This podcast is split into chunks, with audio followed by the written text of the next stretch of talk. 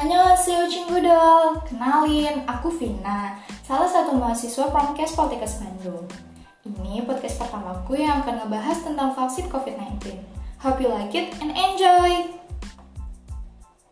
Kalian pasti udah sering dengar kan tentang vaksinasi COVID-19 ini, mulai dari gejala setelah vaksin atau yang biasa disebut KIPI, sampai dengan rumor yang beredar.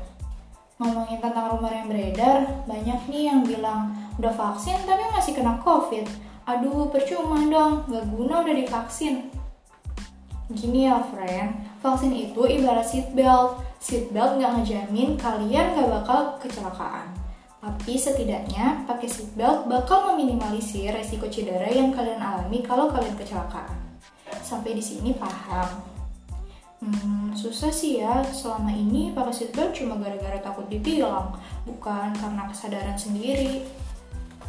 Nah, jadi konsep vaksin tuh ya begitu, friend.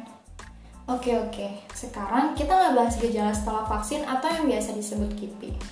Tapi sebelumnya aku mau nanya dulu nih, kalian waktu kecil juga pada diimunisasi kan? Nah, biasanya kalau diimunisasi suka ada yang demam. Itu gejala normal yang dialami setelah imunisasi. Gejala normal yang dialami setelah vaksin ini ada beberapa.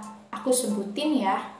Yang pertama, nyeri di area suntikan, lalu nyeri sendi, mual atau muntah, menggigil, demam, merasa lelah, dan mengalami gejala-gejala mirip dengan flu. Nah, itu gejala normal yang dialami setelah vaksin COVID-19. Jadi, kalau kalian mengalami gejala-gejala tersebut, nggak usah panik ya. Sebaiknya beristirahat, dan jika dibutuhkan, kalian bisa minum obat penurun panas Perbanyak minum air putih, tetap gerakan dan gunakan lengan seperti biasa, kompres bagian nyeri di tempat suntikan jika diperlukan, dan kalian bisa cari tahu informasi atau panduan tentang KIPI melalui sumber yang terpercaya di kipi.covid19.go.id. Jadi, nggak ada tuh yang menjamin vaksinasi bakal bikin kebal dari suatu penyakit.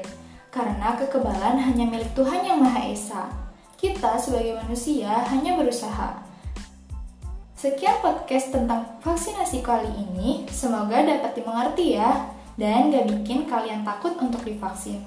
See you on my another podcast. Annyeonghaseyo!